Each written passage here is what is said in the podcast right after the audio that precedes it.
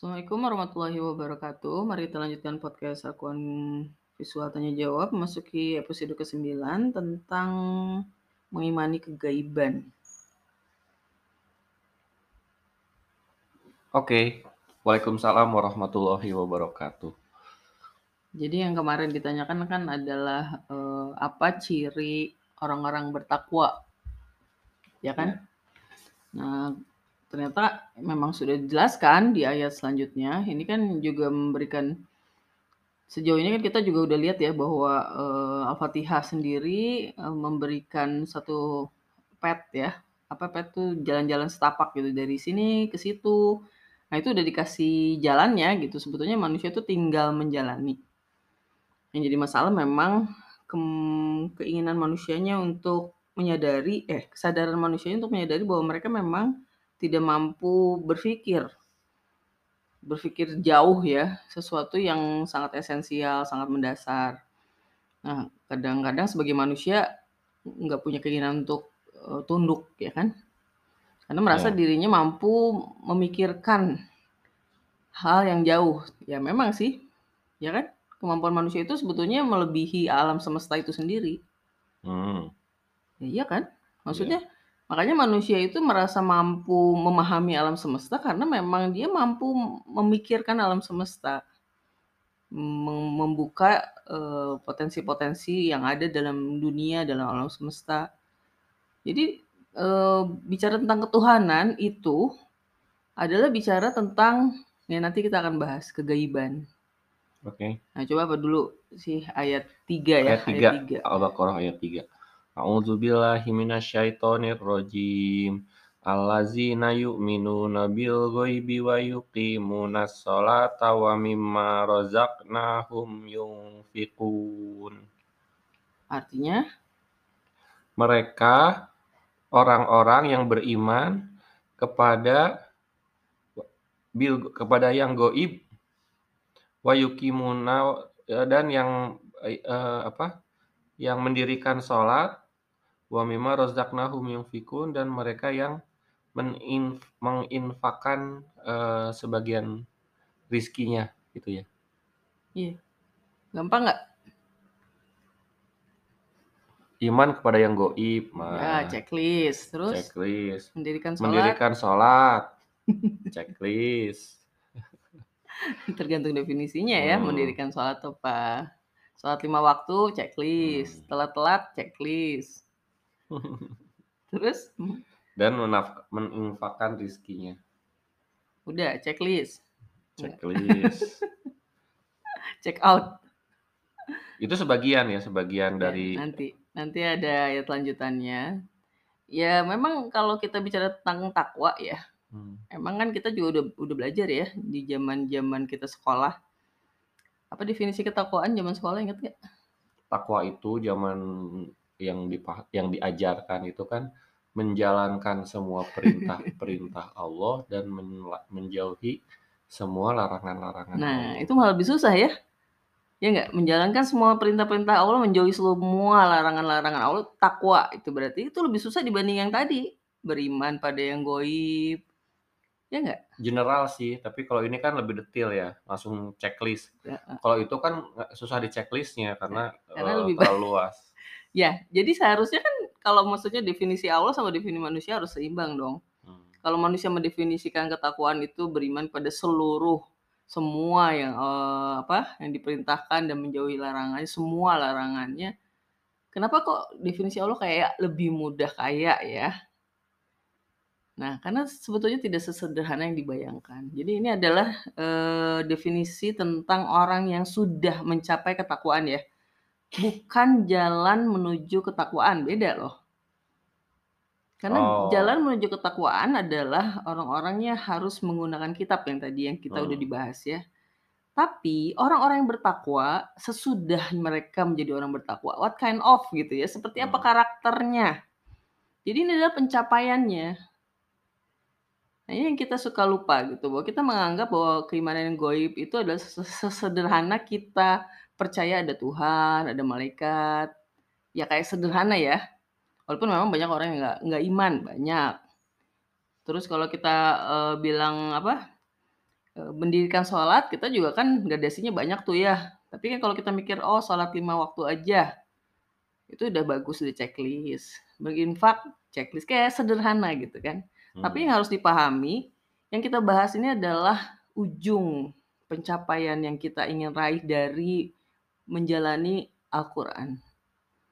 Jadi sebetulnya pemahaman ini tidaklah sederhana.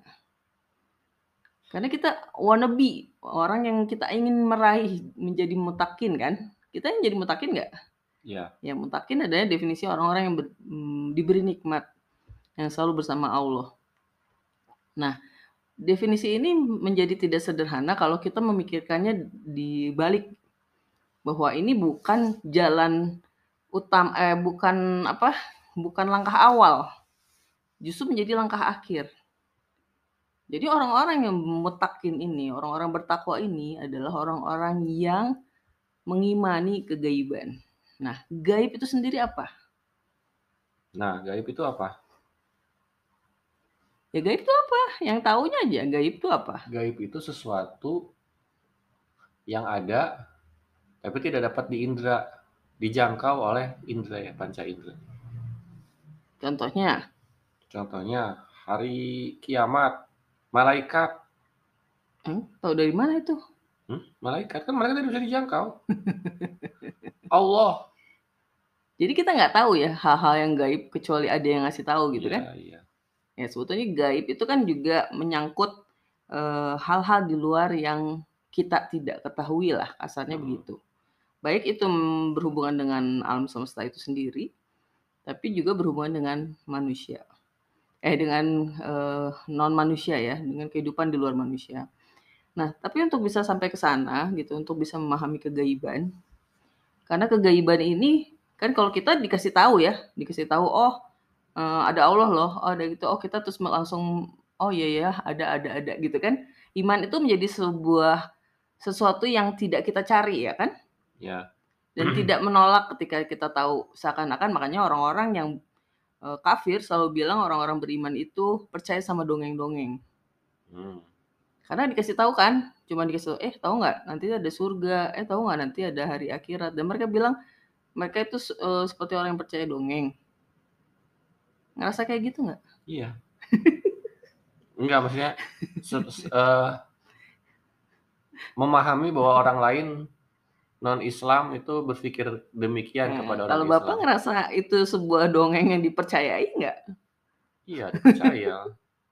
Iya tapi kan bapak juga kan nggak yakin. Maksudnya bapak bisa yakin bahwa itu sebuah fakta atau percaya aja dikasih tahu eh, kayak kita misalnya dikasih tahu, eh di sana ada serigala percaya gitu kan pak? Iya, iya, percayalah kan kan dengan dengan apa? Dengan sumber informasi yang bisa dipercaya.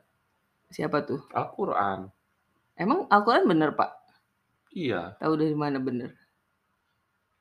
Al-Qur'an benar karena eh, tidak mungkin bukan tidak mungkin bikinan manusia gitu kan.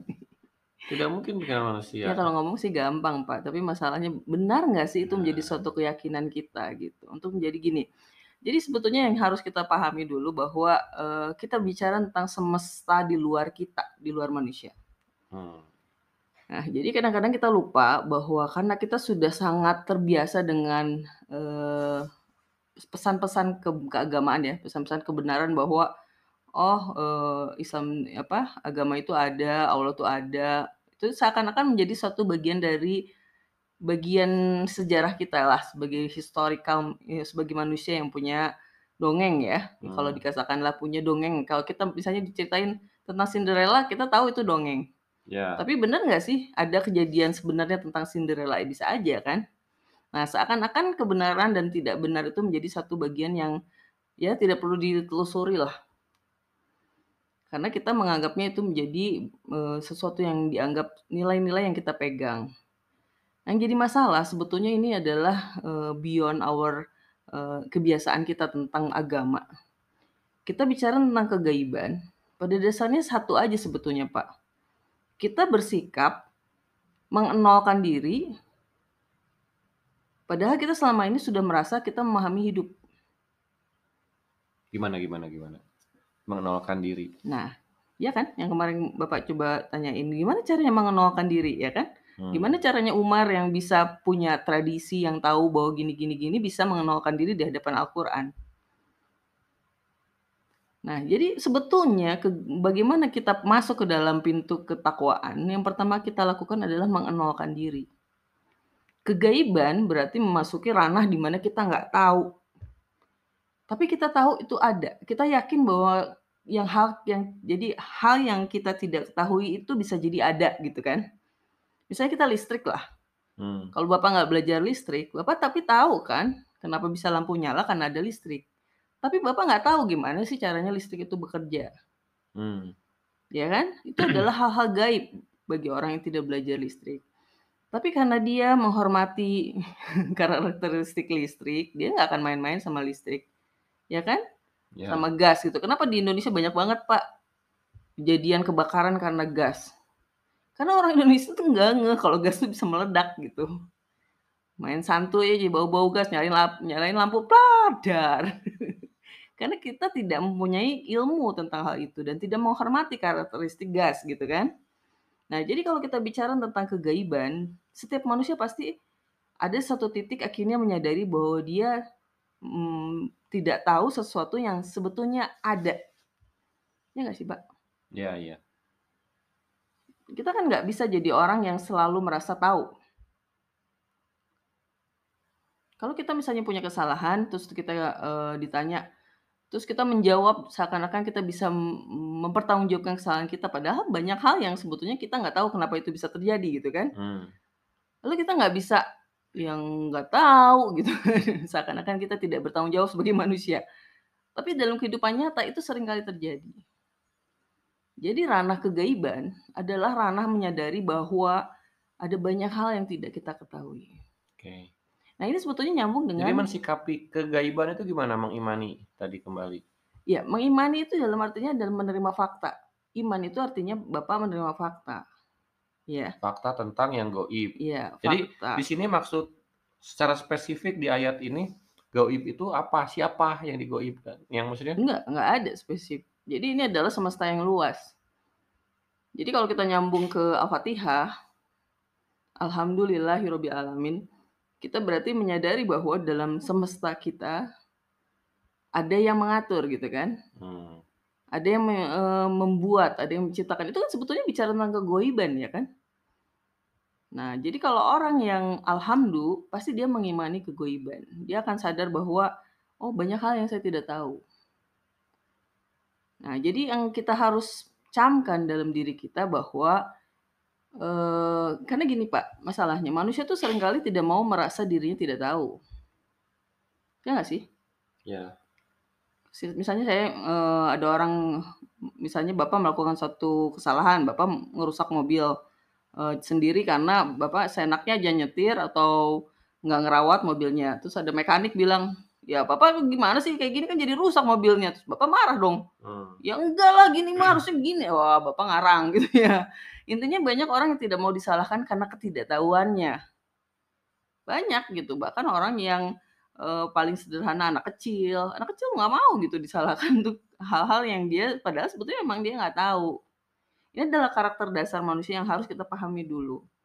Jadi ketika seseorang sudah mau memasuki ranah agama ranah ketuhanan, dia harus menjadi manusia yang bisa dengan sadar mengimani kegaiban dalam artian dia mengosongkan diri untuk selalu menerima informasi-informasi baru. Hmm. Itu dulu gitu. Ini adalah bukan sikap kayak kalau kita kan menyederhanakan masalah keimanan pada kegoiban adalah uh, oh percaya Tuhan, percaya malaikat, sesederhana itu gitu ya. Seakan-akan itu suatu doktrin yang harus diterima manusia gitu. Makanya kenapa orang-orang kafir yang filos, filsafat ya apa, yang berpikir kritis, kritis dia akan mempertanyakan kenapa sih orang beriman dengan mudahnya mengimani adanya Tuhan. Hmm. Karena memang ya sikap kita ya sebetulnya yang salah. Seharusnya orang-orang kafir yang berpikir jelas, berpikir yang kritis itu memang harusnya juga mampu mener mau menerima kebenaran. Yang jadi masalah orang-orang yang berimannya sendiri yang tidak bisa menggiring orang-orang kafir itu menjadi iman karena mereka sendiri memasukkan keimanan sebagai ranah doktrin. Ya kan? Nah, sebetulnya kalau kita bicara tentang filsafat, dalam konteks ini bahwa manusia yang beriman, manusia yang bertakwa, harusnya menjadi orang yang sangat rendah hati. Ya. Karena apa? Karena mereka selalu mengosongkan diri. Mereka selalu sadar bahwa banyak hal yang tidak diketahui. Mereka menerima informasi dari siapa pun. Termasuk dari orang-orang kafir. Ya. Ini adalah suatu sikap tentang sikap orang-orang bertakwa. Gak sederhana kan ternyata. Karena Iya. banyak orang iman yang sombong. Banyak kan. Orang yang beriman merasa tahu tentang kebenaran. Merasa dia paling ngerti tentang kebenaran. Nah ini udah salah. Gitu. Ya, jadi semesta kegaiban bukan hanya bicara tentang uh, Tuhan, malaikat dan semua hal yang kita definisikannya begitu. Tapi lebih bagaimana kita bersikap terhadap kebenaran-kebenaran informasi yang ada di sekitar kita. Nah, tapi setelah kita mengimani itu efeknya harusnya apa, Pak? Apa? Ya tadi lanjutan ayatnya apa, Pak? Oh iya. Uh, mendirikan sholat. Nah. Yunfikuna. Eh apa nih? Mendirikan sholat dulu ya. Wa yukimuna sholata. Jadi ada dua hal yang dibahas setelah mengimani kegaiban. Ini harus ada dua sikap Pak yang muncul. Jadi jangan udah mengimani kegaiban, oh ya ya ya cuma gitu doang. Karena Al-Quran itu adalah bicara tentang pet, tentang jejak. Dari satu langkah harus mencapai ke satu langkah yang lanjutan. Ada dua yang dibahas, yaitu tentang sholat dan zakat dan eh, sholat infak. dan infak. Sholat apa artinya Pak? Uh, sholat. Suatu uh, sholat ya. ibadah, ibadah ritual sholat.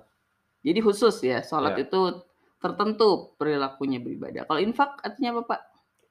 Uh, infak itu menyerahkan, memberikan sebagian harta kita kepada yang lain. Bisa sodako, bisa Menyerahkan. Kalau infak sama sodako artinya apa? Bedanya? apa? Nggak yang tahu. tahu, tahu. Mana yang lebih berat, infak atau sodako? Infak, Oh, kenapa bedanya? sodako mah sunnah. Sebetulnya kalau dari infak, bahasa infak itu adalah menghabiskan. Yunfikun. Hmm. Menghabiskan itu berarti bapak nggak suka numpuk-numpuk harta. Jadi kalau kalau di sini kan diartikan menginfakkan dari sebagian yang kamu rezekikan, yang Hmm. direzekikan. Nah, padahal nama bahasa in, arti infak sendiri adalah menghabiskan. Menghabiskan dari apa yang direzekikan. Rezeki itu apa, Pak? Rezeki itu sesuatu yang kita dapat ya. Nikmat. Bukan. Kalau bahasanya rezeki itu adalah eh, modal hidup. Hmm. Jadi kan Bapak punya semua manusia itu kenapa disebutnya ter- terjamin rezekinya? Jadi karena semua manusia itu pasti kalau memang diizinkan Allah hidup, dikasih modal untuk hidup. Gak ada manusia yang mati karena kelaparan. Sakit iya, tapi nggak mati pak. Ya, jadi rezeki itu adalah modal hidup. Jadi kalau bapak dikasih, misalnya bapak nih magang ya, Ya. eh, bukan magang ya, eh, disuruh survival gitu kan di satu tempat, terus bapak dikasih kornet, ya kan dihitung sampai tujuh hari bapak harusnya masih hidup. nah itu rezeki pak.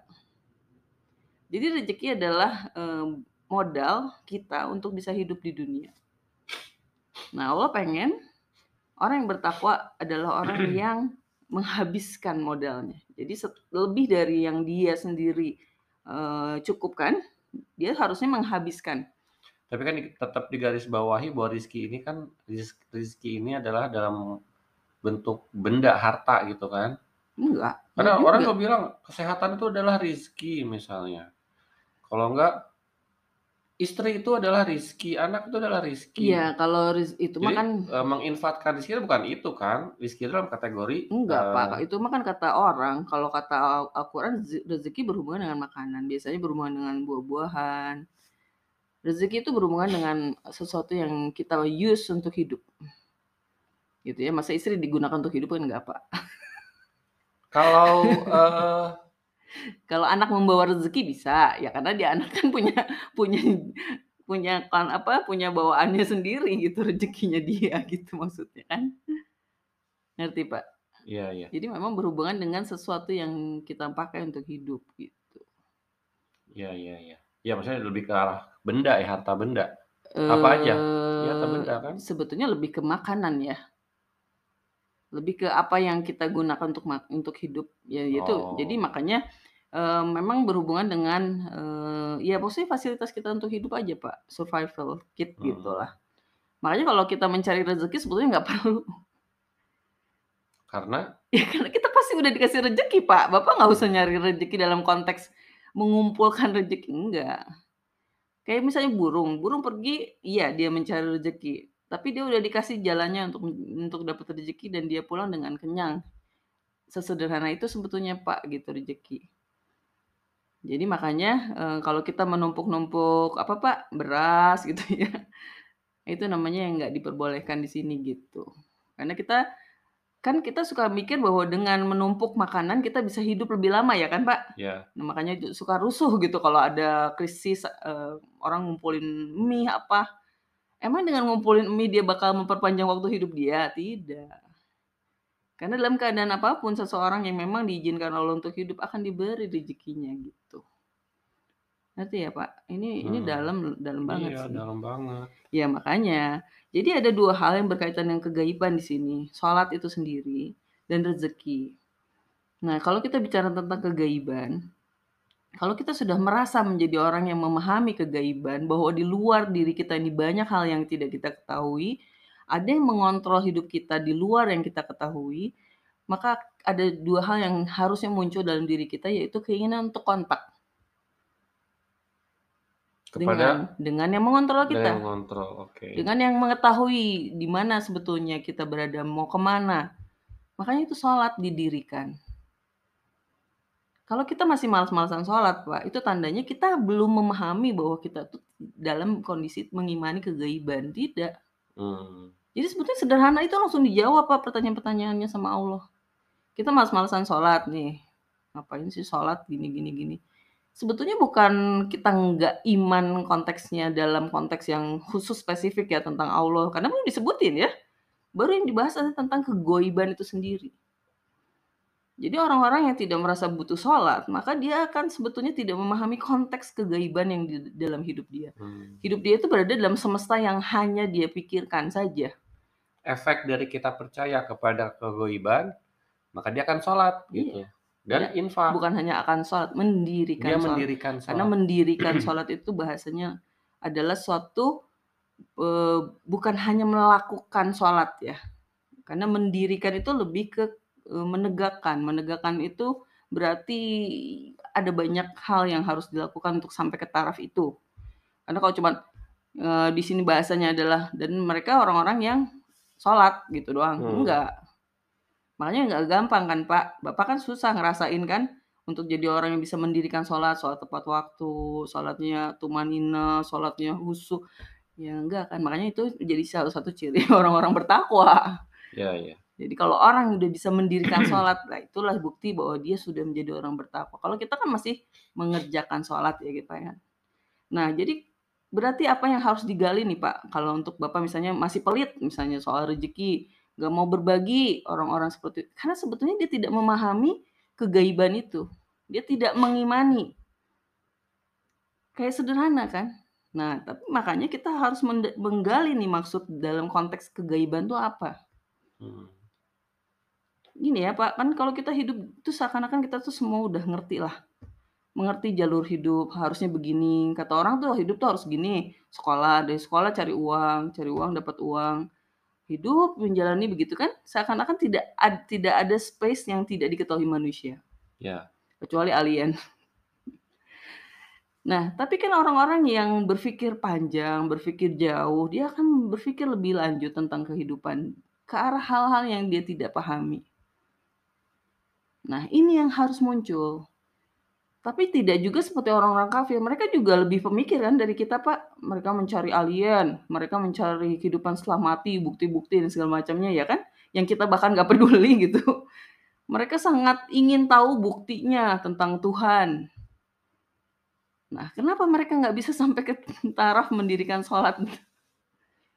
Atau menginfakkan rezeki, kenapa Pak? Kan mereka sebetulnya ya kurius dengan ke Iya iya. kegaiban gitu, tapi kenapa mereka tidak sampai Kenapa? Karena mereka tidak mengimani. Tidak iman, iya. Tidak iman tuh konteksnya adalah tidak menerima fakta atas keterbatasan dirinya, itu aja sebetulnya.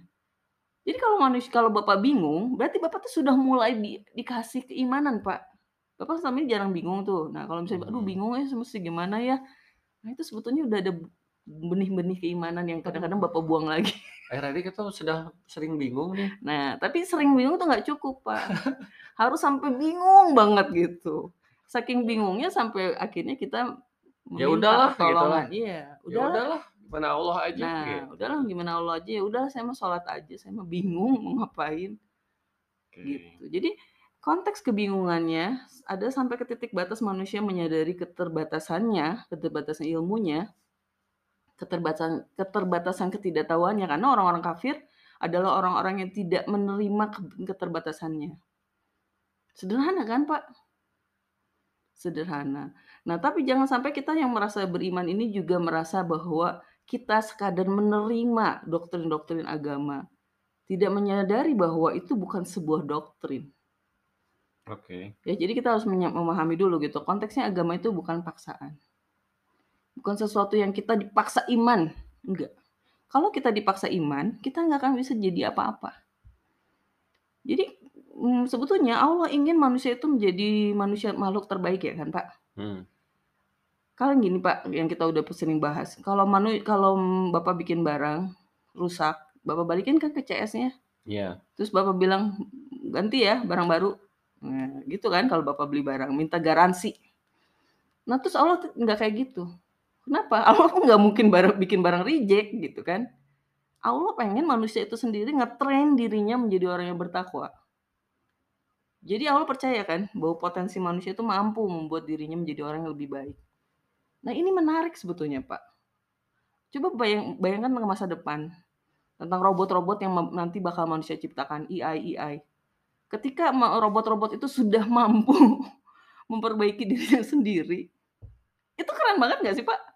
Iya. Keren alias serem. Iya. Tapi sebetulnya manusia punya keinginan kan, bisa bikin robot yang bisa memperbaiki dirinya sendiri. Ini yang Allah bikin. Kita itu adalah robot ciptaan Allah yang paling canggih. Ya kan? Berarti apa? Berarti manusia adalah robot ciptaan Allah yang paling canggih yang bisa memperbaiki dirinya sendiri. Nah, justru di zaman ini harusnya pemahaman konsep tentang Tuhan itu menjadi sangat relevan ketika manusia sudah ingin menjadi Tuhan Hmm. sudah ingin menciptakan makhluk serupa dengan manusia lain. Ya kan? Karena kita akhirnya jadi kayak ditampar sama diri kita sendiri terus mikir, kalau kita siapa ya? Kalau kita gimana?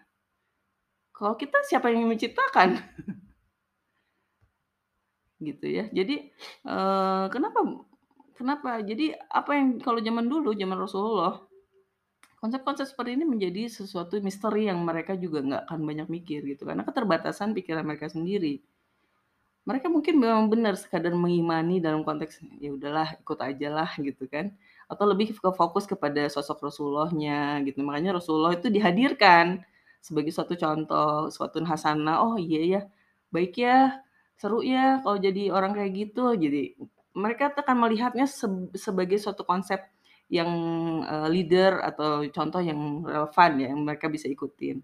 Nah di zaman kita sekarang sebetulnya head to headnya tuh bukan sama eh, Rasul lagi, bukan sama manusia lagi, tapi sama Allah. Kita head to headnya dengan konsep-konsep yang dibangun Allah dalam Quran. Sebetulnya kita tuh lebih keren.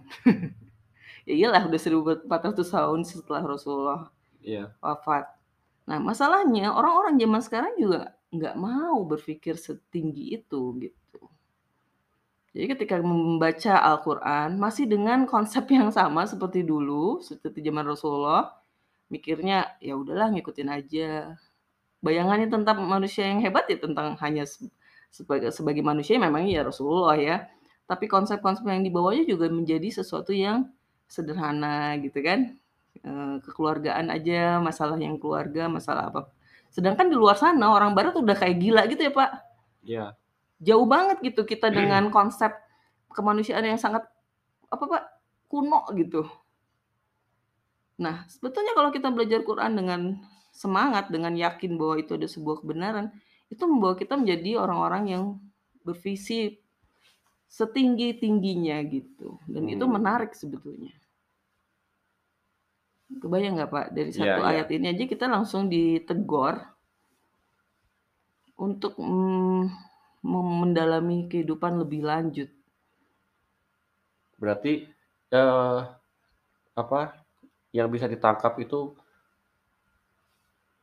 bukan sholatlah dan berinfaklah agar Anda bertakwa, bukan begitu ya, tetapi bukan. ini mah sebuah, eee, hulu hilir catatan aja. Ketika Anda bertakwa, maka Anda secara secara alamiah akan Menegakkan sholat. menegakkan sholat dan berinfak, betul. dan mengimani kepada kegaiban. betul. Jadi ini adalah pencapaian yang harus kita raih. Pencapaian yang Iya. jadi parameter gitu ya, kayak parameter Hmm. sebuah ketakwaan.